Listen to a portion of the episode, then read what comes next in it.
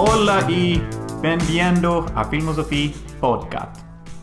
Y tú, Robin Möller, soy Jonas Hansen. Ja, eh, una podcast por favor. Yes, una podcast por favor. Ty cerveza sisk. Ja, det är en Are jävla... you gay?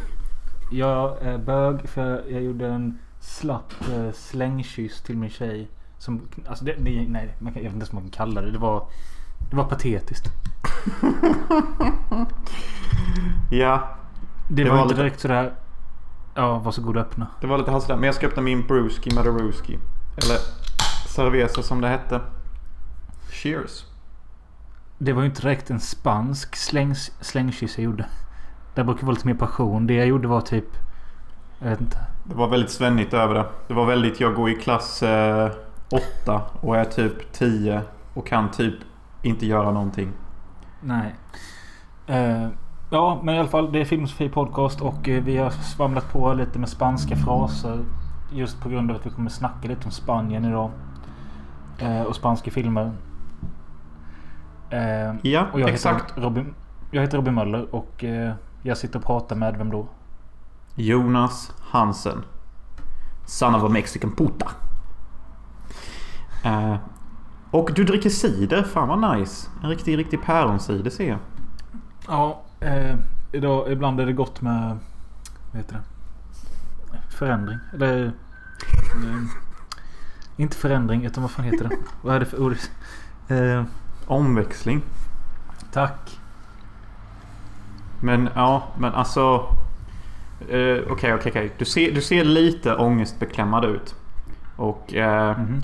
ja, eh, jag måste ju också säga till er som är, är nya lyssnare. Eh, jag är Jonas. Eh, äventyrare och kick-ass snubbe. Robin Möller är gruvarbetare, ångestbeklämmad, eh, hemlig alkoholist. Så du hemlig alkoholist eller vad sa du? Ja. Ja, det var rätt kul att typ för ja, ungefär för en och en halv timme sedan. Så var jag hemma hos mina föräldrar och skulle hjälpa dem koppla in en ny soundbar till deras TV. Min syrra var också där och eh, direkt när jag kom dit så sa jag bara till pappa bara, Har du någon kall öl? Eh, Riktig sådär svenne-kommentar. ja, och så fick jag en öl medan jag skulle greja med soundbaren. Och då sa min syster Alltså Robin, du är typ alkoholist. Men LOL. Vad fan kände du när hon sa det då? Ja, jag tyckte bara det var kul. Ja men det är ju lite kul. Men sen också, du är på semme bruv. Ja. S- Ja, semme betyder och, semester. Ja, och förra gången vi spelade in så... Nej, det är inte förra avsnittet. Förra avsnittet var Sunny Ruff. Men avsnittet innan var ju starten på min semester. Vi går nu mot mörka tider för det är bara tre dagar kvar på min semester. Hur fan känns det? Alltså jag tror du kanske kan tala lite till folket nu alltså för att det är nog rätt många som går sina sista dagar på semestern. Och det är tillbaka till det vanliga grynet. Ja, alltså... Det, det, än så länge är det inte jättemycket ångest. Men... eh, jag vet att det kommer kännas värre typ på söndag när det väl är dags. Men samtidigt känner jag också att jag har blivit ganska rastlös. Speciellt den här sista veckan. Alltså jag har typ gått fram och tillbaka i lägenheten väldigt mycket. Och, eh, alltså, jag- hittar liksom ingenting att göra. Jag sätter mig och spelar jävla skit Crossfire i en halvtimme. Tröttnar. Sen så kan jag bara gå typ ut, ta lite luft. Sen kan jag gå in och starta Crossfire igen fast jag nyss avslutade för jag tyckte det var tråkigt. Och sådana saker blir det mycket. Shit. Så på ett sätt känns det tillbaka till att gå tillbaka på, eh, till gruvan. Ja, det känns lite... Alltså, jo, men lite. Alltså, visst hade du gett mig någonting att göra varje dag här hemma. Då... Eh, då hade det inte varit farligt att fortsätta vara hemma. I, I feel you. I feel you.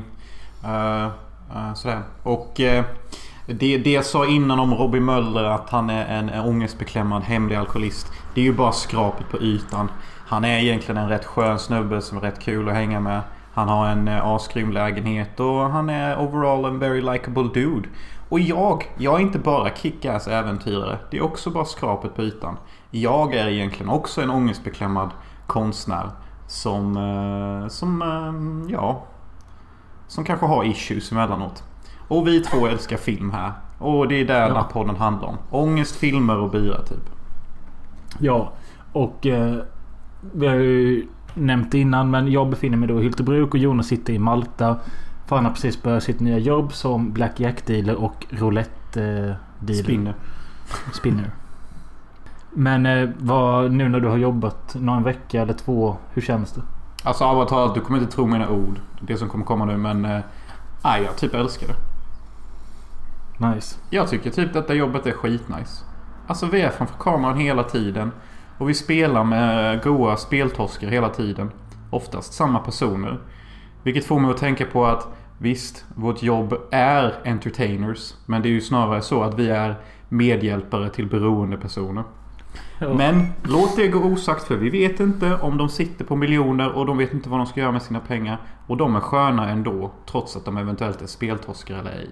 Du har kommit in i hur man dealar och sånt. Eh, är, är blackjacken lättare än rouletten eller vad sa du? Alltså först tyckte jag att rouletten var svårare än blackjacken. För alltså, det var svårt att få till spinnen. Men nu har jag hittat liksom musklerna. Så nu är den ja. typ skitlätt.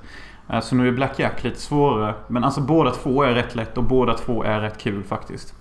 Eh, men jag föredrar nog blackjack för att det är ju lite mer interaktivt. Jag spelar ju liksom med spelarna. Och man kan känna av vissa typ så här personligheter. Vissa spelar aggressivt, vissa spelar reserverat. Vissa är kassa och vissa är skitduktiga typ. Uh, så det är jättekul. Och det är också kul när de börjar prata med en i chatten typ. Uh, speciellt nu när man har varit där några veckor så börjar de ju känna igen en och sånt. Uh, har du några, finns det några bestämda insatssummor på din, ditt bord eller? sånt kan jag tyvärr inte diskutera och jag, och jag, vet faktiskt inte riktigt heller hur det funkar för jag ser inte det. Vi ser inte hur mycket folk satsar och sånt. Nej, okej. Okay. Hur långa pass jobbar du? Alltså det kan ju alltid vara från 8 timmar till 12 timmar i sträck. Uh, så det kan vara. Och uh, det, det låter mycket men det är fan inte farligt. För vi har rätt många raster emellanåt typ. Och vi har typ världens softaste rastplats. De har en massagestol. man kan gå ut på en balkong och ta en cigg. De har smoothies. Man kan till och med sätta sig och spela GTA om man vill. Är det typ som en studio eller? Ja, alltså vi jobbar ju i en studio. Så på ett sätt så lever jag ju lite min dröm. Jag är en skådespelare typ och jag är framför kameran. Hur många är ni i ett rum då? Det kan vara allt ifrån tre till typ ibland sju personer typ. Uh, det är ju sju helvetes massa studios. Alltså det är ju inte bara från Sverige. Det är ju för fan från typ alla länders hörn. Uh, sådär. Men ni har raster och sånt då på bestämda tider och grejer? Mhm. Och det är fett nice. Och det är så många goa brudar som jobbar där. Alltså de har ju verkligen valt tjejer som ser bra ut. Så det är riktigt trevligt. Det är verkligen riktigt, riktigt trevligt. Nice. Har du raggat på någon? Alltså jag har ju börjat zona in på vissa. Jag är ju lite av en specialist här. Jag vill inte gå runt och fiska och få ryktet som en jävla fiskare. Typ bara han raggar på alla, han vill ligga med alla. För då kommer tjejerna börja prata och typ bara Ja men alltså han fiskade på mig och sen fiskade han på mig. Han typ bara bryr sig om att knulla.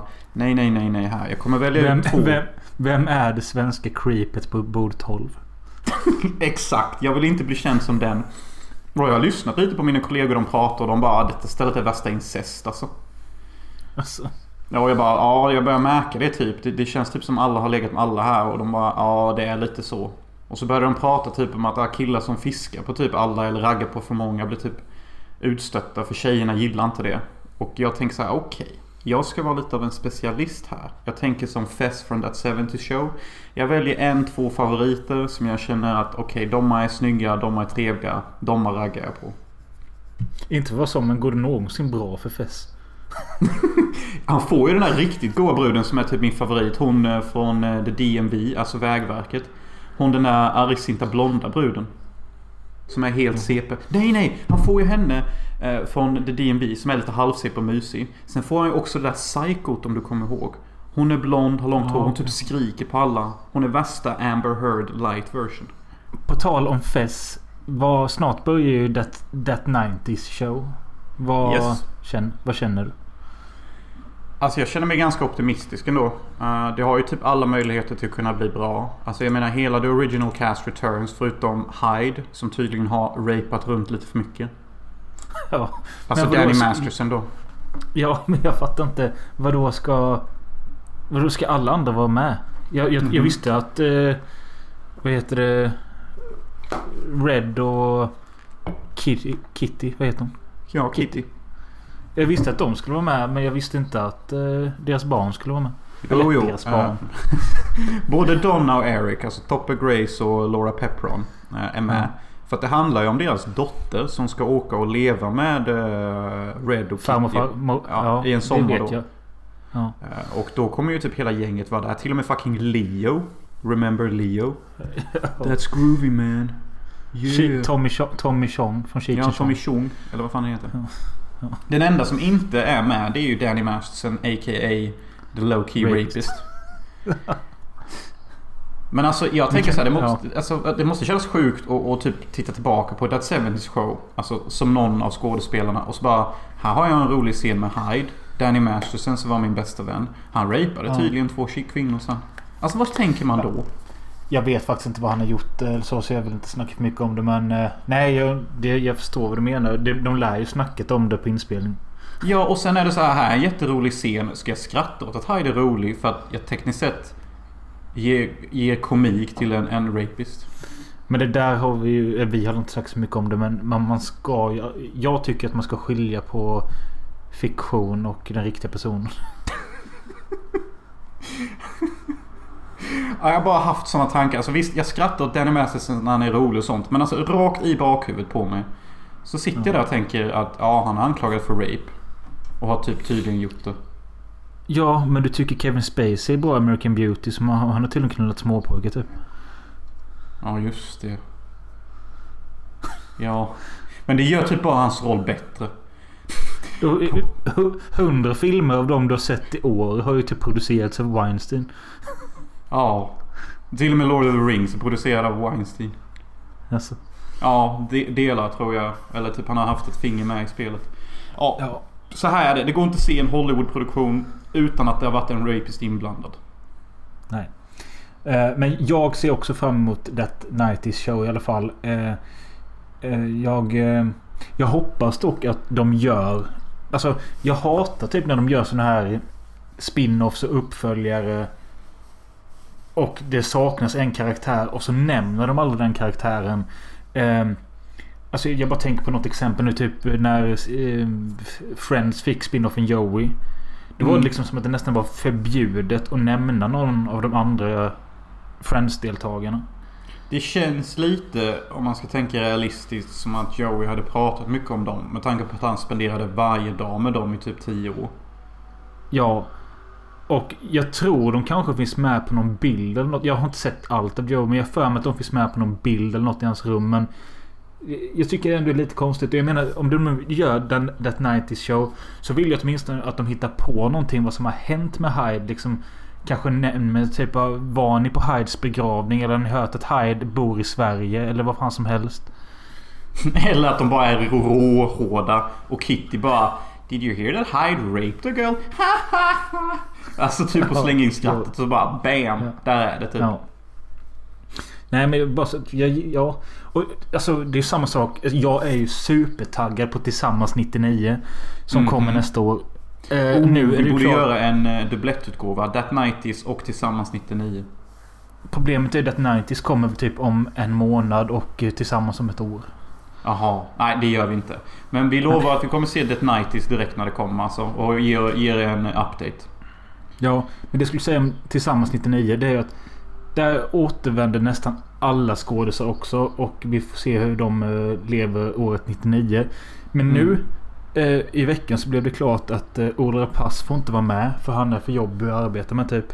Varför då? Varför, varför är alla så jobbiga att jobba med tydligen? Men alltså, han har varit lite i blåsväder de senaste åren med allt möjligt. Han var ju med i den där podden Sorry allt gick åt helvete. Han pratade om sitt skitliv. Och nu har den podden gått åt helvete. Han har försökt stämma den andra som hade podden på flera hundratusen. Och han bara är en jobbig jävel och jag tror det är därför han inte får vara med. Och nu ska de ändå behålla karaktären han spelade. Lasse eller vad fan han heter. Eh, men han ska spelas av Jonas Karlsson. Nej. Nej, alltså sånt här gillar jag inte när de gör. Det funkar Nej. inte. Då får de fan ta bort karaktären hellre. Hur jobbig kan han vara egentligen? Alltså det är ditt jobb som regissör att hantera jobbiga människor. Mm. Typ. Och, och hitta... Det, det är... Ops, stopp. Det är inte Lucas Moodysson som gjort detta utan det är producenten om det är eh, Svenska Filminstitutet eller något sånt som har stoppat honom. Men fan Lukas, du borde väl vara så pass laddad att du kan pröjsa produktionen själv eller? Det är inte så dyrt i Sverige att göra film. Ja, fråga mig inte. Men jag tyckte det var lite tråkigt i alla fall. Det är jättetråkigt. Nej. Cancel eh, tillsammans 99. Cancel. Ja. Nej, det, det pallar jag inte. Vadå ska Jonas Karlsson gå runt där och bara...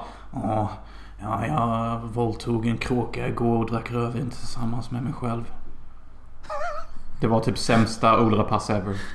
Men det är någonting han kunde sagt. Ja. Eh, ja, nej. Alltså, jag tycker att fan skriv bort karaktären istället. Ja, eh, ha en throwaway line typ när han blev CP inne på mentalhemmet och typ, jag vet inte, ska halsen av sig själv med en jävla plastkniv typ. Ja. Ja. Eh, annars då? Hänt något nämnvärt? Annars, förutom det att jag är typ kåtare än fan själv och typ eh, dricker varje dag. Alltså inte kopiös mängder men tre öl slinker ju ner. Och typ eh, diggar jobbet och eh, skriver manus. Och okej, okej, en liten update här om Day of the Women Bite the Bullet. För det var länge sedan jag pratade om. Men jag håller ju på med en lesbisk actionfilm. Jag har bestämt mig för att börja spela in i våren nästa år här på Malta. Så jag har börjat dra igång lite skådespelare och produktionsfolk och sånt.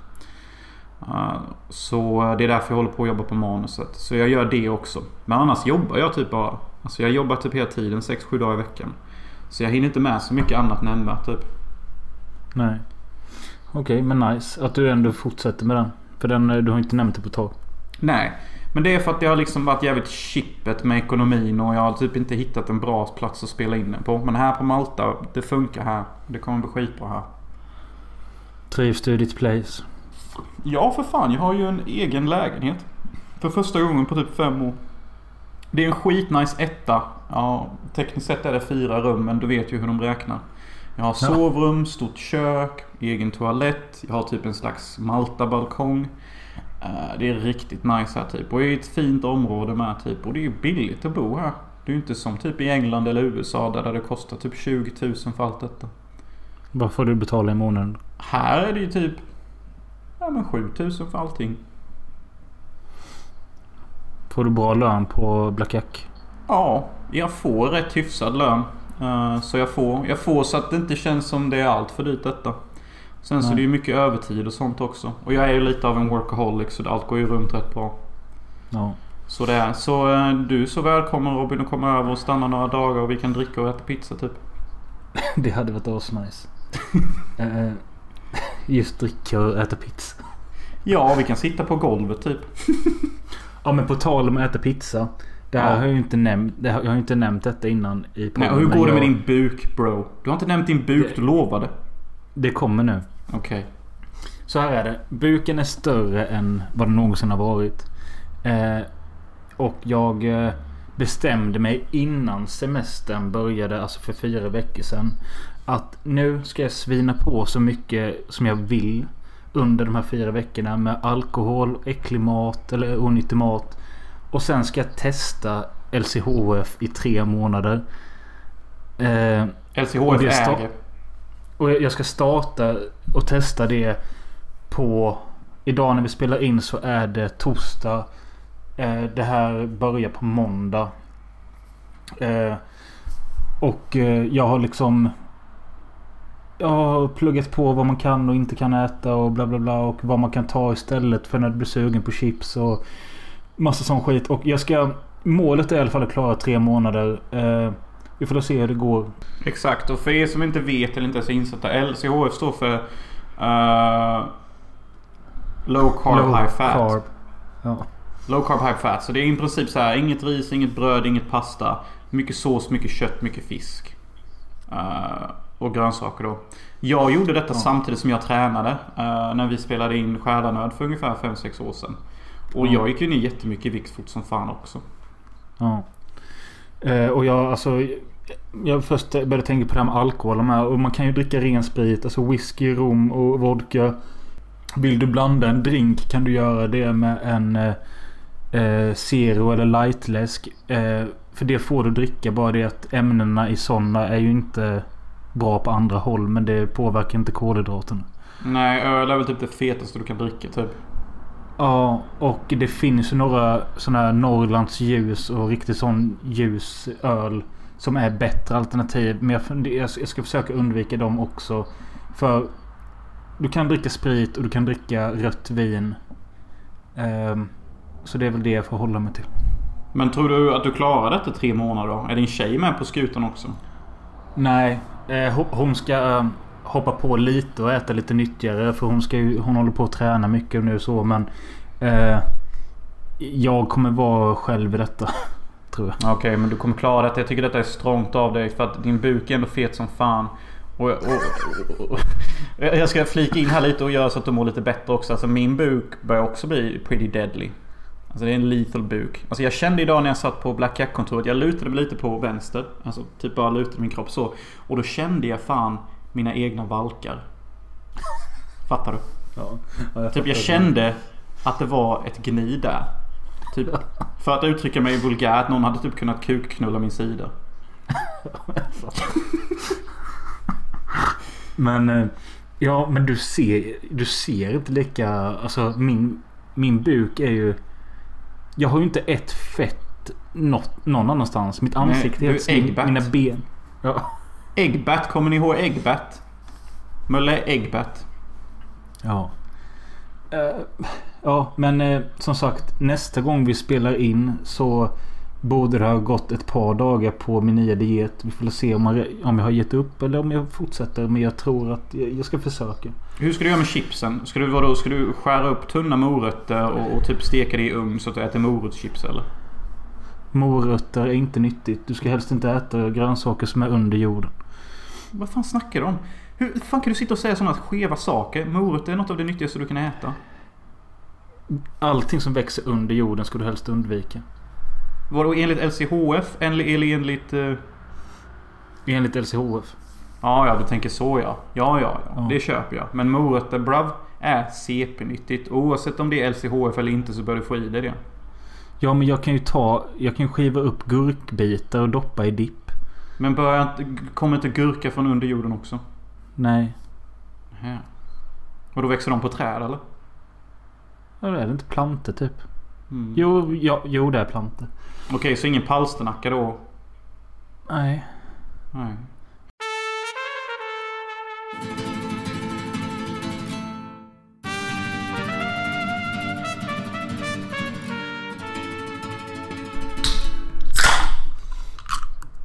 Yeah. Vi svamlade i början av avsnittet på eh, mm. som sagt spanska fraser. Um, och eh, för Jonas sa till mig för några veckor sedan att han vill lära sig spanska. Och mm. jag frågade inte ens varför. Jag vet inte om de snackar spanska i Malta. Är det därför eller? Nej det gör de inte. Vad Men alltså, and- det är någon form av italienska och engelska typ. Ja. Men alltså anledningen är att jag bara tycker, alltså rent generellt, jag tycker bara det är lite tattigt att kunna två språk i, i en sån stor värld vi har. Eh, med så många olika människor och kulturer. Och det finns så många sexiga latinas där ute. Vad då ska jag bara låta dem ringa mellan mina fingrar typ? Nej tack. Nej, men eh, då sa i alla fall Jonas eh, att därför ska jag kolla några spanska filmer. Och så sa han, ska vi inte ha ett spanskt tema till podden? Och där är vi nu.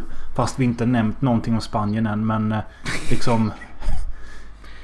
Ja, detta får typ heta Flumpodden plus några spanska filmer. Men ja. Eh, jag tyckte väl idén till en början var ganska kul. Med spanska filmer. För det... Alltså. Det känns som att det mesta vi snackar om är ju liksom amerikanska, svenska, ibland någon italiensk film. Men vi rör oss sällan utanför känns det som. Nej, det gör vi inte. Och... Ja, i och för sig, vi såg, vi såg den jävla lammfilmen. Den var ju isländsk. Men ja.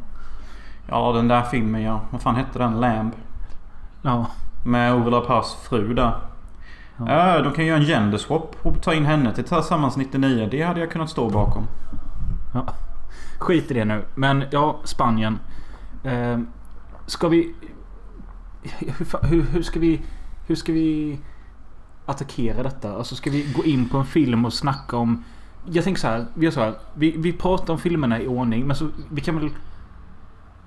Också på något sätt... Eh, eh, avrunda avsnittet sen med i vilken typ av Spanien som visas i de här filmerna. Vilken film hade vi velat leva i? I vilken del av Spanien?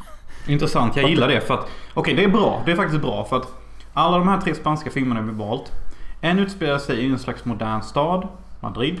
En annan utspelar sig också i Madrid, fast ett mer modernt Madrid tror jag. och den tredje är inte fan vet jag, någon jävla ö på någon jävla hav någonstans. Ja. Ska vi ta dem i ordningen de gjordes? Nej. Nej, nej. Jag, jag, tycker vi hugger tag i, i den bästa som är Open Your Eyes. För att jag tycker det finns mest att säga där. Och jag vill använda det mesta av min briljans till den filmen först. Okej. Okay. Open Your Eyes från 97. Abre Los Hoyos. Eh, Snyggt. Jag har handlingen här på filmtipset som är snabbt sammanfattad. Caesars liv förvandlas till en fullständig mardröm. En natt försvinner hans flickvän Sofia. Istället dyker hans före detta svartsjuka flickvän Nuria upp och påstår sig vara Sofia. Hennes ID-papper är helt i sin ordning och vare sig polisen eller någon annan tror honom. Frågan är vad som är sanning.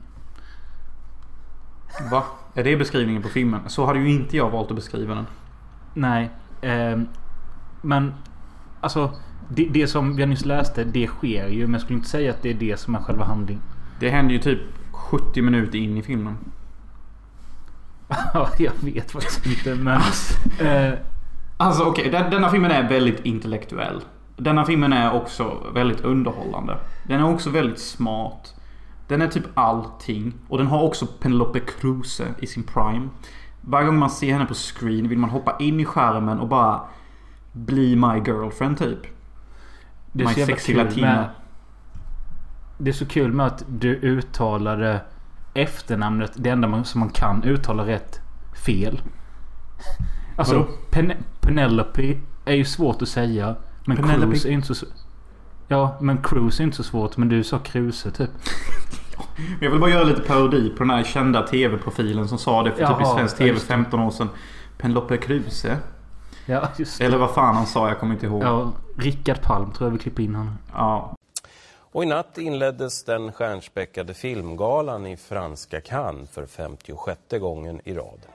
Den spanska skådespelerskan Penel Penel Penelope Cruz hade äran att öppna festivalen. Den spanska skådespelerskan Penelope Cruz hade äran att öppna festivalen. Spanska skådespelerskan Pen Penelope Cruz.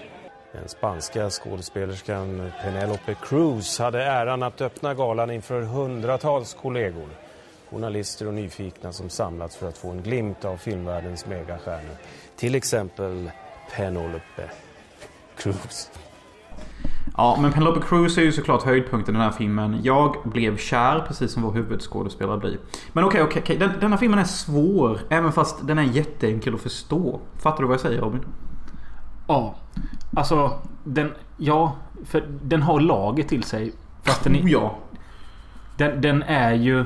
Definitionen av en lök, typ. För på vissa sidor så såg jag att den... Eh, eh, var den som undergenre sci-fi. Och jag förstår lite. Mm. Men... Den är ju lite typ- Matrix typ, innan Matrix. Ja, samtidigt som den känns som att, typ, att den är en vanlig psykologisk thriller typ. Exakt, exakt. Och lyssnarna tänker nu. Vad är det här för film? Ni säger att det är Matrix men inte Matrix. Ni säger att den är svår men den är lätt. Eh, ni säger att handlingen som beskrivs händer 70 minuter in fast det är egentligen inte handlingen. Ni säger att Penelope Cruz, man vill bli hennes fucking boyfriend. Okej, okay, vad är det här för film egentligen? Vi sitter i TV4-soffan. Vi har snackat om detta. Svenska folket tittar på oss. De är på väg att byta kanal. Vi måste, vi måste kamma hem detta. Hur börjar filmen? Vad händer? Eh, jo, den här, den här unge, snygga, rika killen Caesar då. Mm. Han... Eh, han, eh, han... Han har någon tjej han ligger med då, då och då som heter Nuria och eh, hon är så här riktigt psycho som typ verkligen älskar honom. Vill inte låta någon annan Ja, men hon är sån här åt honom. typisk eh, snigelbrud. Vet. Alltså typ duger för ett ligg men egentligen ingenting man behåller. Nej. Och han anordnar en fest, eller är på någon fest, där han får syn på Penelope Cruz eh, som är jättesöt och snygg. Eh, och han använder henne som fake-ragg för att eh, få eh, den här tjejen som är kåt genom att förstå att jag inte är intresserad. Mm.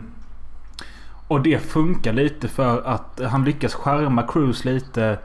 Och eh, de inleder en liten romans. Eh, och spenderar en natt ihop.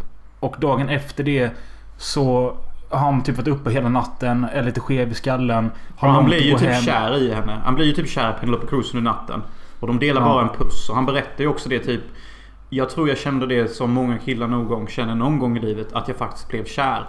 Och denna skådespelare är duktig. Man kan se på honom att ja, det är ansiktet av en kille som är kär. För när han går ut från lägenheten då.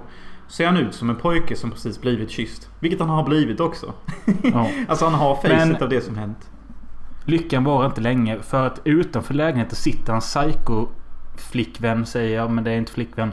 Och väntar i en jävla bil för att eh, hon har liksom följt efter honom.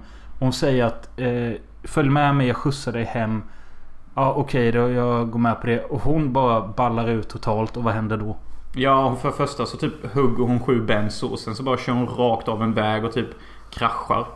Och efter det så förvandlas eh, vår huvudpersons face till Elefantmannen.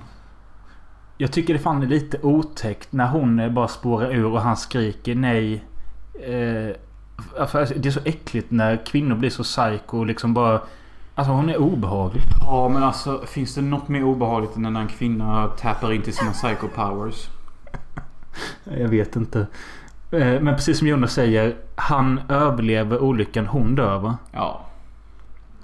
Men han blir vanställd i ansiktet. Han ser för jävlig ut. Eh, Han ser fan ut som low-key Elefantmannen. Han har bara Ja. inte vikten till sig typ. Och han... Han går till läkare och säger att liksom att ni får pengar, ni får testa och göra vad fan ni kan för att jag ska bli snyggare och sånt. Um, och samtidigt då så kan han inte glömma Cruise karaktär att han... Hon kommer inte vilja ha han längre när han ser ut så här. Och samtidigt som detta pågår så får han också visioner av... Alltså han ser typ i syne och han drömmer mycket om olika saker och ting. Och vad är verklighet? Vad är dröm? Vem vet? Mm, och det, det, det mycket intressanta här är ju att han blir ju kär i Penelope Cruz. Och sen så när han blir vanställd, då går hans självkänsla och självförtroende direkt från en charmig player typ. Som egentligen kan få vilken brud som helst. För att han är typ jättesnäll, skön och du vet alla tjejers dröm typ. Han är inte creepy, han är inte jobbig och han är snygg och han har pengar typ. Vad finns det att inte gilla? Nej. Men när han då väl blir ful, inte nog med att han går från en stark åtta till en svag etta i utseende. Men alltså all den här charmen och sånt är någonting han inte kan vinna på längre för att han har tappat all självkänsla. Ja, ja. Så när han går och försöker träffa Penelope Cruz igen när hon är någon jävla eh, skådespelare på gatan typ. Mi- mime. Mime ja. Alltså. Då får inte han kontakt med henne. Alltså hon vägrar typ titta på honom. Men alltså. Och det, det, nu, nu, nu vi kommer in på lagren här. Det är detta som gör filmen så intellektuell att. Han, han sätter liksom Penelope Cruz på ett pedestalie typ. Det är det han gör liksom. Bara för att han blir kär och hade... Jävlar. Så jag ut med det bara. bara för att han hade en riktigt god natt med henne. Och liksom var, hade värsta pojkdrömsfantasi med, med en 10 av 10 här. Så, så liksom ska han ha henne. Och, och han clownar ut och gör vad som helst för henne. Men han accepterar inte att hon inte ser honom för hans inre. Hon ser honom för att han var snygg liksom. Ja. Ja, det är väldigt mycket hans fi- fix, fixation vid yta. Han kan liksom typ inte... eh, Anamma det. Alltså han är ju väldigt fixerad vid ytlighet. Mm, och det är ju hon med för att hon är ju så skärrad över att han ser ut som han gör. Så, Ja. Och det får man också reda på att natten de spenderade då ritade de bilder av varandra. Och den bilden Penelope ritar av honom är som en rik man med hur mycket pengar som helst. Vilket betyder att hon ser bara honom ja, för cash och yta kanske eventuellt. Och det är det jag tycker gör filmen skit fucking intressant. För att Ja, inte, inte utan för att kunna spoila filmen för mycket men alltså Han lyckas ju på något sjukt sätt vinna tillbaka Penelope Cruz. Men när han väl... Lite grann. va? Lite grann. Men när han väl har Penelope Cruz i sitt liv så är hon i princip bara en fantasi typ. Hon är inte på riktigt. Hennes personlighet är typ bara påhittad typ. Alltså vi har ju också... Han har ju också en kompis som också är intresserad av henne. Men som inte har någon chans i början av filmen för att huvudrollen är så mycket snyggare och charmigare än honom. Så han hamnar bara i bakgrunden. Men det tycker jag också är Men- lite skevt för att de hade kunnat vara bröder. Alltså när jag kollar på de två tillsammans så bara... Alltså brav, du är på sin höjd kanske två poäng fulare än honom, kanske ett. Det är ju bara det att du är så jävla osäker på dig själv. Men fan vad jag gillar scenen när eh, de tre, alltså två polarna och Cruz går på nattklubb och våran vanställd huvudkaraktär dricker whisky cola utav helvete. Och eh, han känner att han liksom, det är någonting på gång mellan kompisen och Cruz. Och när han går iväg på gatan och ser att de två går iväg utan honom och han lägger sig på gatan och dör typ. Ja, han bara lägger sig ner och ger upp typ. Ja. Men det är så fucking sad typ. Man har ju typ själv varit i positionen där man är tredje hjulet. Där man märker att den snygga bruden är mer intresserad av ens eh, wingman eller något. Alltså det är ju jättejobbigt. Speciellt om man har starka feelings för the girl också. Och det är det den här filmen alltså gör bra typ. Att det, det, är- det är mycket att relatera till. Alla som varit kära eller för sitt hjärta knäckt eller vad som helst typ. Ja. Och den lyckas också vid ett par tillfällen vara genuint obehaglig.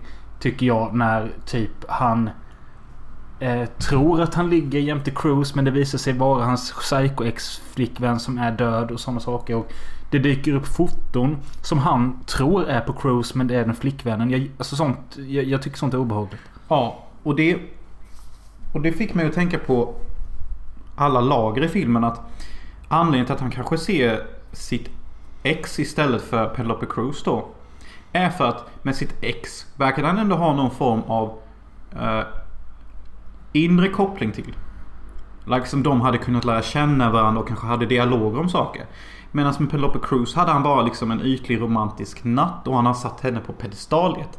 Vilket gör att hans hjärna och inre inte kan acceptera att Penelope Cruz är Penelope Cruz. Hans hjärna kan bara acceptera att det är hans ex för de hade faktiskt en connection. Medan Penelope Cruz bara var satt på pedestaliet. För hennes karaktär definierar utopin av kvinnan. Hon är bara vacker, en 10 av 10. Mannen dansar, visar sina jävla påfåglar, sin svansar, du vet. Kolla här, kolla på mig, du är så vacker, du är så snygg, du måste knulla med mig. Mannen i ett nötskal. Du är vacker, jag måste ha dig, jag skiter i din personlighet. Men inret går det inte att ljuga för. Och det är väl lite det det handlar om. Ja, jag, jag, jag, jag tror jag förstår vad du säger. Sen, jag vill inte vi ska avslöja för mycket om hur den slutar och sånt. Men det känns liksom som att tredje akten får filmen ytterligare en dimension och liksom blir helt fucked up. Den blir ju skitbra tredje akten. Ja. Jag satt och tänkte precis innan tredje akten kom att alltså, jag måste ha något mer nu. Jag måste typ ha någon som skjuter någon eller någon, några skeva vinklar eller skev musik. Och vad får jag? Exakt allt det där. Jag får exakt allt det där. Skeva vinklar, någon som skjuter någon, musik, twistar. Ja, den är jättebra. Och det jag tycker filmen gör jättebra också är att den är typ komplicerad. Men den är också superlogisk. Och en annan sak som är kul. Det är att jag såg ju denna för första gången. I samma veva när jag skapade mitt konto på Filmtipset typ för tio år sedan. Så såg jag denna rekommenderade till dig och det bara... Nej, nej. Jag var inte redo, jag var inte mogen nog. Jag hade inte varit kär än. Hur fan, hur fan? Om man inte varit kär, om man inte har levt ett liv. Denna filmen är inte för er. Jag tror inte ni kommer fatta denna om inte ni har haft de här grejerna i sitt liv. Jag tyckte dock det var jättekul att du valde att se denna och att eh, vi skulle ta den till podden för... Jag har varit sugen på att se om den och jag tyckte den var ännu bättre idag. Eller nu. Än vad jag gjorde för tio år sedan. Men det är ju en film som kräver att man har levt ett liv typ. Ja. Alltså du kan ju inte sätta på den som 14-åring och bara tycka om den. Det är kul med att det finns ju en amerikansk remake som heter Vanilla Sky. Men vem fan vill se Tom Cruise böga runt? Där Tom Cruise spelar huvudrollen och där Penelope Cruz spelar, hon gör sin samma roll i den. Jaha. Eh, det, det, det är ju lite kul. Eh, och den här Psycho Girlfrienden spelas av Cameron Diaz. nice! Jag tycker, jag, jag vill typ se den. Eh, Perfect att- casting. Mycket är tydligen li, likt. Bara att den här utspelar sig i New York istället. Och att de har ändrat mycket i slutet. Därför blir jag intresserad av att se den. Ja men då har de säkert gjort Mm. någon sån här typiskt Hollywood-grej av det. Du vet att de förenklade och bla bla bla. Ja, jag vet inte. Och enligt, enligt någon trivia på IMDB så när Tom Cruise såg Open Your Eyes på bio. Då ringde han till något jävla kontor när eftertexterna rullade. Och sa att vi ska göra en remake av den. Ah, jag gillar ju Tom Cruise dock. Han är så jävla mäktig typ. Han go for things liksom. Ja. Alltså... Men... eh, Mm. Ja, Vanilla, det roliga är att för mig...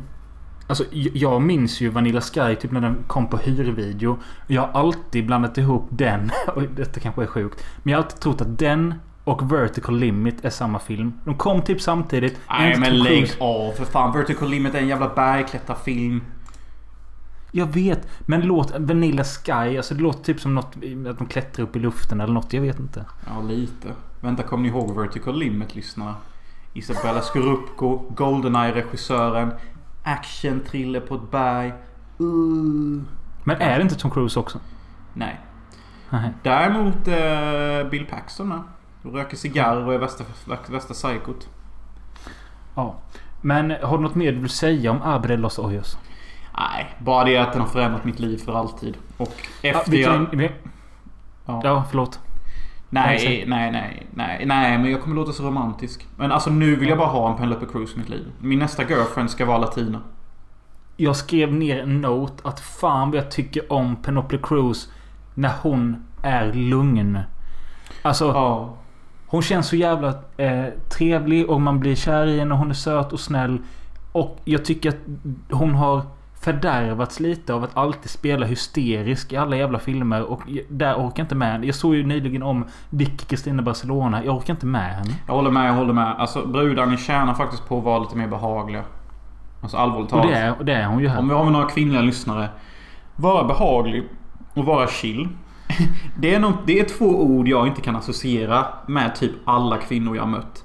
Det ord jag associerar med kvinnor är excentrisk, CP, galen, hysterisk, underbar, vacker.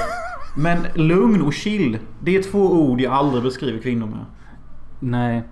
Och alltså, jag har ju sett många, många av Pedro Almodovas filmer där hon ofta är med. Där är hon också helt, helt galen typ. Ja, men ja. Fuck that Du, shit. du, såg ju, du såg ju en av han eh, kvinnor på gränsen till nervsammanbrott. Ja, jag älskar den. Jag älskar den så jävla bra. Så Cruise med den jävla bra. Nej, men en massa andra brudar typ. Men det är också bara massa hysteriska och CP-brudar. Men alltså allvarligt talat, det är ju såna... Det... Okej, så här är det. Män är kåta, alkoholiserade svin. Kvinnor är störda, hysteriska varelser. Pannkaka på det och där har du jorden. Boom. Men... Eh, vad var det? Nej, jag vet inte. Vi måste gå vidare. Men... Och sen, och sen, sen också, märkte du det? Nu, du satte också Penelope Cruz på pedestaliet precis som karaktären gjorde. Det sättet du beskrev henne på. Hon är så lugn, hon är så fin och trevlig. Jag vill också ha henne som flickvän. Jag satt här och satt, sa att jag vill ha en latinsk flickvän. Vi är båda som huvudpersonen. Vi vill ha idealet, utopin. Ja. Ja, jo. Men fan. Ja. Jag ska nog... Jag ska, efter den här podden ska jag ladda ner Vanilla Sky tror jag. Yes! Yes! Men- Men skit i det nu. Alltså, Open Your Eyes. Den ska ni se om ni inte har gjort det. Mm, mm. Eh, nu går vi vidare till en film från 1984 som heter, Fan vad mycket ångest det var i den alltså. som heter Bahia Blanca. Eh, vänta, vänta. Som jag jag ska bara hämta en bruski. Fan vad det Brusk. går.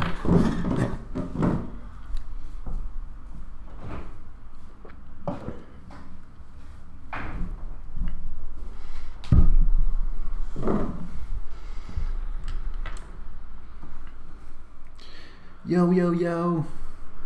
Jo, Bahia Blanca då.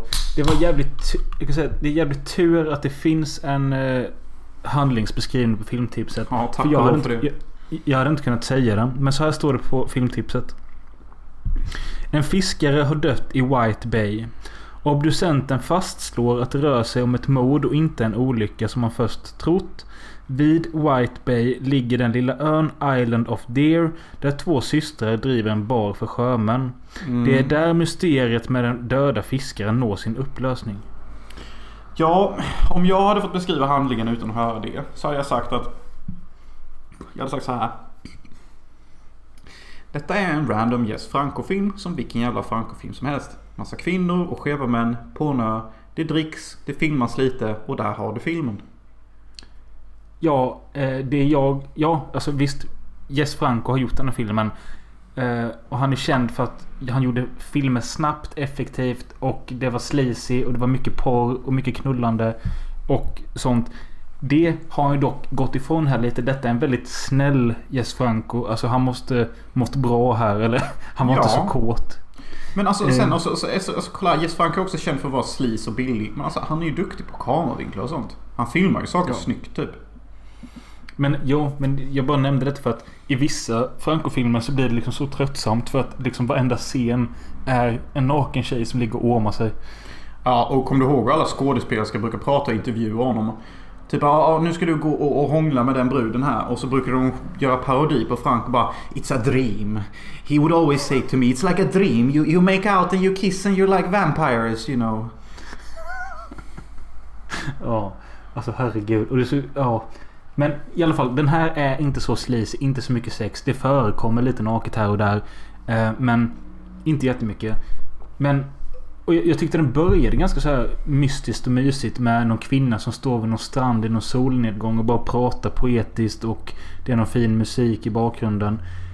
Men jag kunde liksom inte förstå vad hon sa och sen när själva filmen väl drar igång Alltså den tappar mig typ direkt. Jag Alltså detta är liksom som inte- vilken jävla Franco-film som helst. Alltså du ska inte sätta dig och se denna filmen. Alltså och bara sitta rakt ner och upp och ner och titta på den med två ögon och försöka sätta in i den. Nej, detta är en film du har på i bakgrunden när du städar eller förfestar. Alltså för, för du, du, du pallar inte med såna här filmer.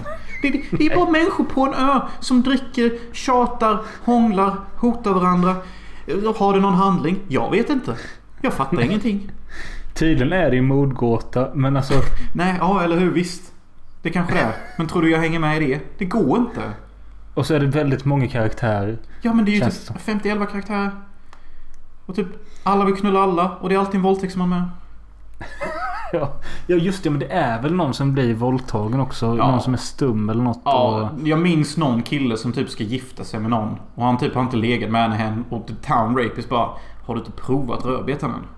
Du måste väl fan prova att ligga med din fru innan du gifter dig med henne. Du vet ju inte ens om du tycker om brödet. Och han typ bara du är ju min kvinna du vet. Jag ska inte ligga med henne förrän jag är gift med henne. Ja men fan tänk dig om det suger då. Och sen så våldtar han henne eller någonting. Alltså. Ah, det, Men jag ska säga så här. En, det jag känner också att i vissa andra Franco-filmer som är mer sleazy med mer våld och sex och sånt. De kan nästan vara lite lättare att ta sig igenom denna för att det blir liksom lite roligt att titta på.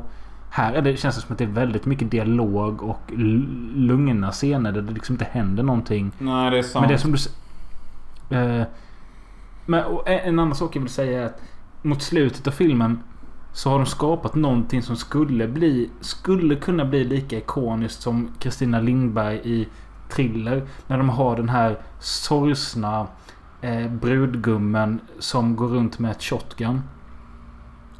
Eh, som även pryder omslaget på filmen och ser ganska... Det, det, det kunde blivit ikoniskt och coolt. Någonting vi hade kommit ihåg om filmen hade varit bättre och de hade gett henne lite mer. Ja, det är ju synd att han inte fattade typ vad som egentligen var bra och vad som egentligen inte var bra. När han gjorde detta typ. Ja. Alltså det är en jävla bakgrundsfilm helt enkelt. Men alltså, Ja, vi- Jess Franco är legend. Och Jess Franco är mäktig. Det är bara det att han inte gör bra filmer. Typ. Dock Venus in Fur är ju mästerverk. Ja, men ja, vi behöver inte prata mer om Bahia Blanca. Men det är en helt annan typ av Spanien än i Abre los Hoyos. Ja, Abro Los Hoyos är typ modernt 90-tal Madrid. Och det här är random ö i mellanhavet eller Pacific Ocean eller vad fan det är någonstans. På, ja, jag vet inte. Eh, men då kan vi alltså hoppa vidare till ännu en del av Spanien. I filmen Sounds Like Love. Eh, Varför sa du det på det sättet? Sounds Nej, like love. Ljuv musik som den heter på svenska. Den ligger nämligen på svenska Netflix nu. Släpp. Det är en spansk Netflix-film. Eh, som släpptes typ för tre veckor sedan. Ja, och jag måste säga att denna filmen är fan bra alltså. Jaha. Ja, Eller alltså, den är väl inte bra... Nej, nej, nej. Du, du, du pratar. Du pratar. Jag hoppar in. Jag hoppar in. Ja, Jag kan ju läsa filmtipsets handling där men Precis när Marcas karriär börjar ta fart dyker den mystiska mannen som krossade hennes hjärta upp i Madrid. Tur att hennes vänner finns nära till hans. Varför läser du den som du är någon jävla mysig gettobrud? Men ja, ja. Nej, jag vet. Eh, det är typ handlingen. Men alltså okej, okej, okej. Handlingen är så här. Detta är Slice of Love 2022. Du är en spansk millenniansk kvinna och du är 29 år. Du har problem med din hyra, din chef är en narcissist, det är Instagram överallt, ditt dejtliv suger, du dricker nog ett glas för mycket rödvin och du har två CP-vänner. Välkommen till 2021. Du är en kvinna. Wow! Och jag höll på att spy. Eh, typ 10 minuter in. För jag kände så att jag vill inte se en till hypermodern film. Där en stressig kvinna går runt i fina kläder med en Starbucks-mugg och dricker kaffe på gatan och pratar i telefon samtidigt. Jag, jag har sett det 3000 gånger nu. Men vet du varför du ser det så ofta? För att det är typ varje kvinnas liv nu för tiden. Ja. De älskar Starbucks. De älskar fina kläder. De älskar att gå runt och vara stressade som att de har något viktigt i livet som händer. Trots att de får en jävla slavlön. Vilket huvudpersonen också säger att hon får en slavlön. Men Det känns som att det, det, om vi skulle kunna kalla detta en genre. Typ stressade kvinnor med Starbucks-mugg. Så känns det typ att st- st- staten började typ kanske med... Alltså en film som verkligen känns så men som jag inte riktigt kan sätta fingret på om den är så. Är ju Djävulen bär Prada. Att typ Mm. där började. Där började. ja, alltså Djävulen bär Prada kan man ju nästan säga är lite för sin tid nu. För att nu är alla kvinnor som hon i Djävulen bär Prada. Nu är alla Anne Hathaway. Anne Hathaway var, var unik 2005. Men nu lever alla den livsstilen. Stressade, jobbig chef, dålig lön, fashionable. Alltså det är alla kvinnors liv nu för tiden. Typ. Har inte hon typ samma roll i den här jävla... Nej just det. Där hon, är hon chef i den här The Intern. Där Robert De Niro som pensionär börjar jobba som henne. Där är hon chef Anne har- Hathaway. Ja, Men, det är ju känns typ- mysfilm. Det är ju en sån här riktig söndagsfilm med pizza framför sig. Ja. Eh, hur som helst. Sounds like love. Den här tjejen heter faktiskt Macarena. Eh, Nej, men, och de, har inte, de tar inte ens tillfället att slänga in låten Macarena. nej. Lågt. Men hon jobbar...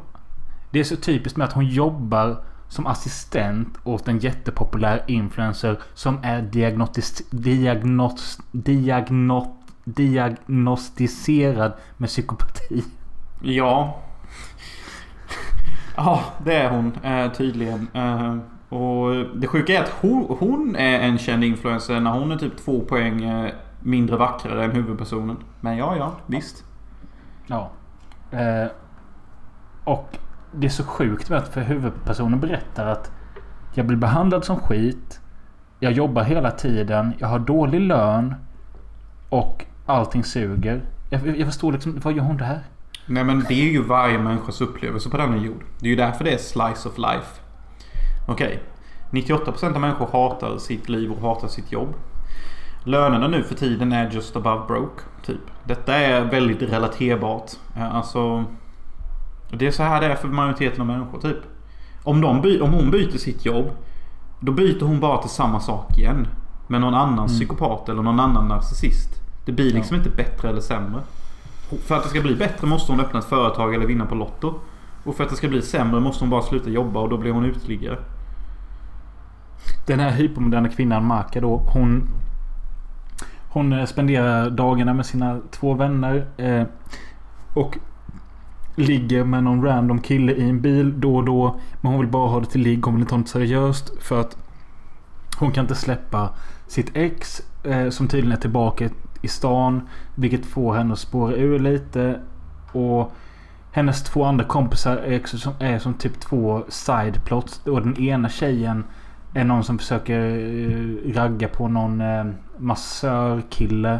Och den andra tjejen har problem med sitt sexliv med sin partner. Så hon börjar ägna sig åt trekanter och sånt. Mm, och sen är hon tydligen lesbisk också. Och detta är också så typiskt modern tid. En är lesbisk.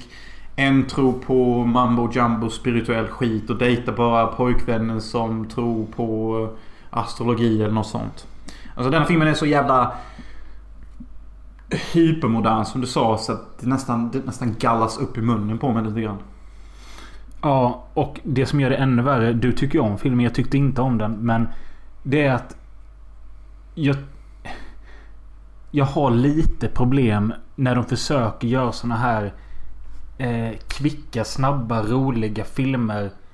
Eh, som bryter fjärde väggen och pratar in till kameran att så här är det, så här funkar det. Och liksom, för den här bryter fjärde väggen hela tiden. Fan, det har jag inte ens märkt till. Att hon pratar till kameran och sånt. Fan, det gör hon ju. Ja. Shit. Brain pop. Och ja, men jag, jag bara störde mig på det. Alltså ibland kan det funka, ibland inte. Men här tyckte jag inte att det gjorde det. Det som däremot funkar i filmen det är att den har ett par gånger jävligt schyssta övergångar. Alltså ja, typ, det har den. den, den kan gå från en sexscen till en bil. Och sen liksom bara eh, skruva kameran 90 grader och helt plötsligt är vi på diskotek för 10 år sedan. Ja, den är riktigt schysst med övergångarna. Och den är förvånansvärt smidig med övergångarna. Den kan gå från allvar till humor hur lätt som helst. Utan att det känns eh, krystat eller skärrat typ. Och, det är väl filmens största behållning. Men allt det här hypermoderna blir liksom kanske lite väl för mycket nedtryckt i halsen på en. Men å andra sidan så är det ju typ denna tid vi lever i. Så ja, vill man se en hypermodern film i vår jävla tid nu så, så är ju detta filmen för er. Speciellt om du är kvinna och typ är lite CP i huvudet också. Den hade ett par, eh, ett par eh, roliga låtval med. Icona Pops I Love It var med. Mm. Eh, sen var det, vilken fan låt var det som var med mycket? Ja, The Strokes Last Night var låten hon hade trauma från eh, sin pojkvän. Hon alltid hörde samma låt. Det är en rocklåt från 2001 Mm. som var känd då. Sen var det en annan låt jag tänkte på som spelades... Fan vad var det för någon? Jag vet inte. Men jag tyckte också en annan kul grej. Det var någonting som bara lät härligt på spanska när de sa det. Att det hon upplevde var trauma romantico. Trauma romantico. Men ja, nej men alltså sen så har filmen också typ alltså, Den har någonting att säga om Om besattheten om att vinna tillbaka sin första kärlek. Som inte så många filmer lyckas med men Det, det ligger något visst eh, Fint och oskyldigt som är svårt att bevara men som man kanske ska försöka bevara även fast det är Inåtvänd galenskap och det är väl sin första kärlek typ. Och det är väl där filmens tema ligger som kanske inte är så hypermodernt. Men vår huvudperson dras ju i de här tankarna. Så till alla er som har ett knäckt hjärta och tänker på er första kärlek så kanske denna filmen kan ge er lite inblick i vad fan det är ni håller på med. Det är kul att du kan se sånt i den för att jag, jag, jag störde mest på saker. Alltså typ... Eh, det var ett par tillfällen i filmen så vänder sig huvudkaraktären till kameran och bara... Men om detta nu hade varit en romantisk komedi. Då hade det sett ut så här istället. Och så får man se hur det typ ser ut. Och det, filmen slutar likadant bara. Men ni vet ju. Det här är en romantisk komedi. Och då ser det ut så här. Och så blir det något annat. Exakt och jag har svårt för att respektera det. Alltså, du kan inte göra film och, och ha kakan och äta den också. Du kan inte säga typ om detta var en romantisk komedifilm så hade det regnat nu. Och bara för att du säger det så gör det det okej för dig att det börjar regna? Nej, nej syster. Kolla här. Nej. Alltså, du, du kan inte ha kakan och äta den. Fattar du? Alltså jag vet inte hur, hur jag kan säga detta tydligare. Du, du, alltså... Kära film. Kära film. Bara för att du kommenterar vad som är på väg att hända. Och så händer det du kommenterar. Så betyder inte det att ni gör en ny film. Okej? Fattar ni? Nej. Hänger Men det, det- hur länge alltså, det- lyssnar med också?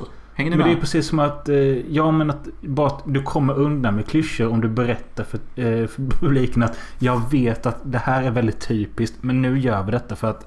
Ja alltså. Det, ja, det är det de gör. Alltså jag stör mig. Ja, okej, okej. Men det blir ju fortfarande samma sak då, unge regissör eller tjej eller vem Ja fan det men som ba, bara det att, bara det att de, de tror ju att de är så jävla smarta och roliga. För att de påpekar det. Nej, men och det är just det de inte är. Och, och ni får inte kakan. Ni, ni, kan, inte, ni kan inte sätta Alltså, fram det, kakan. det, det, det är som om vi hade kollat på en skräckfilm och någon blir jagad mitt i natten och med mördare hoppar in i en bil och sätter sig i bilen och bara om detta hade varit en skräckfilm nu så kommer inte bilen att starta. Ja, eller typ bara, jag håller på med nycklarna bara This is a fucking horror movie, the fucking keys don't work. Alltså okej. Ja. Du kommenterar det, men det är fortfarande samma scen. Det som hade gjort det roligt var om bilen bara startar och du kör iväg och kommer undan. Fast i och för sig, det vi nyss nämnde är ju nästan som det är i Scream-filmerna och där funkar det. Fast gör det det? Fast i och för sig, de bryter inte fjärde väggen där och pratar just till publiken. Utan där, där är det mer så här att eh, han skräckfilmsnörden Randy kan sitta och säga liksom bara Okej, vad gjorde Jamie Lee Curtis i Halloween? Jo, hon startade bilen så här och då funkar det inte. Därför går man dit istället. Så på, på den nivån kan det vara. Och det är okej. Är det det då? Ja. Möller tycker det är okej. Statement. Jag vet inte. Jag vet inte längre alltså. Nej. Nej men alltså jag gillar den här filmen ändå. Ja, men det är ju kul att någon gjorde. Och jag tror det är många kvinnor där ute som kommer faktiskt älska den här filmen. För att eh, hade jag varit kvinna och varit 29. Jag hade typ ätit upp filmen. Med rödvin och chips. Alltså. En sak jag också reagerade på. Det var att det var ganska mycket och nästan explicit sex. Jag håller med. Det var nästan lite för mycket. Shit vad jag låter gammal. Men alltså allvarligt talat. Jag är en kåt kille. Jag gillar bröst. Jag gillar vackra ansikten. Men i denna filmen när jag ser sexscener och sånt så tänker jag så, så som en tråkig eh, asexuell person att jag bara det här, det här bromsar handlingen. Ja, men också att jag tänkte på det. Jag tyckte denna kändes mer sexig och så, om man ska säga, än vad Franco-filmen gjorde. Men då är Franco, i Franco-filmerna är alla nakna och liksom knullar rätt ut. Men i den här är det ju mer nedtonat och mer typ spicy in the bedroom. Som... Eh, jag vet inte, jag tyckte denna... Den var mer... Ska man säga? Erotiskt laddad på ett tråkigt sätt. Ja, alltså det är lite Jag svårt att... Nej men jag fattar vad du menar. Alltså, det, det var ju väldigt erotiska scener och det var mycket passion i sexet. Men på något sätt var det så jävla stelt. Alltså på något sätt Mm. var det bara så jävla... Jag får inte stånd av detta. Och jag vet Nej. inte vad det var riktigt. Och allvarligt talat. Detta är första gången i mitt liv jag gjorde det. Men jag övervägde att spola förbi sexscenerna. Jag övervägde men gjorde inte. Men jag har aldrig någonsin tänkt så om en sexscen i hela mitt liv. Jag blev ju lite så här när det kommer till den här trekantsscenen som pågår ganska länge. Då kunde inte jag, alltså jag satt mer så här bara Okej, hur långt kommer de gå med detta egentligen? För jag blev nyfiken så för att Det blev ändå lite mer än vad jag trodde men sen så blev det ändå inte någonting utav det. Nej, nej. Ja, nej, men vad fan. Det var väl en helt okej film va? Ändå. Ja, ni som eh, har Netflix kan se den. Sounds Like Love. På svenska heter den Ljuv musik. Vad fan är det? Gay. Ja. Ja. Okej, vilken verklighet har du velat leva i av de här tre? Eh, spansk erotisk ö med våldtäktsmän och fiskare och, och, och eh, jungfrukvinnor. Modernt 90-tals Madrid. Utgångar och high-tech miljö. Eller hypermodern eh, Netflix touchphone, skoter, rödvin, skit. Så här, det är tråkigt att säga det men eh, Netflix-filmen Sounds Like Love Den är för nära verkligheten jag lever i så den vill jag inte vara i. Mm. Eh, Franco-filmen Alltså det hade säkert kunnat vara mysigt på den här ön men Den känns också väldigt Det känns väldigt lite folk där det känns som att det är förbannat tråkigt på ön. Även om den kanske är fin. Det känns lite som någon del av Fotometura där vi var liksom att Här är det bara sand och stenbyggnader typ. Ja, och typ ljummen alkohol och, och, och mysig våldtäkt typ.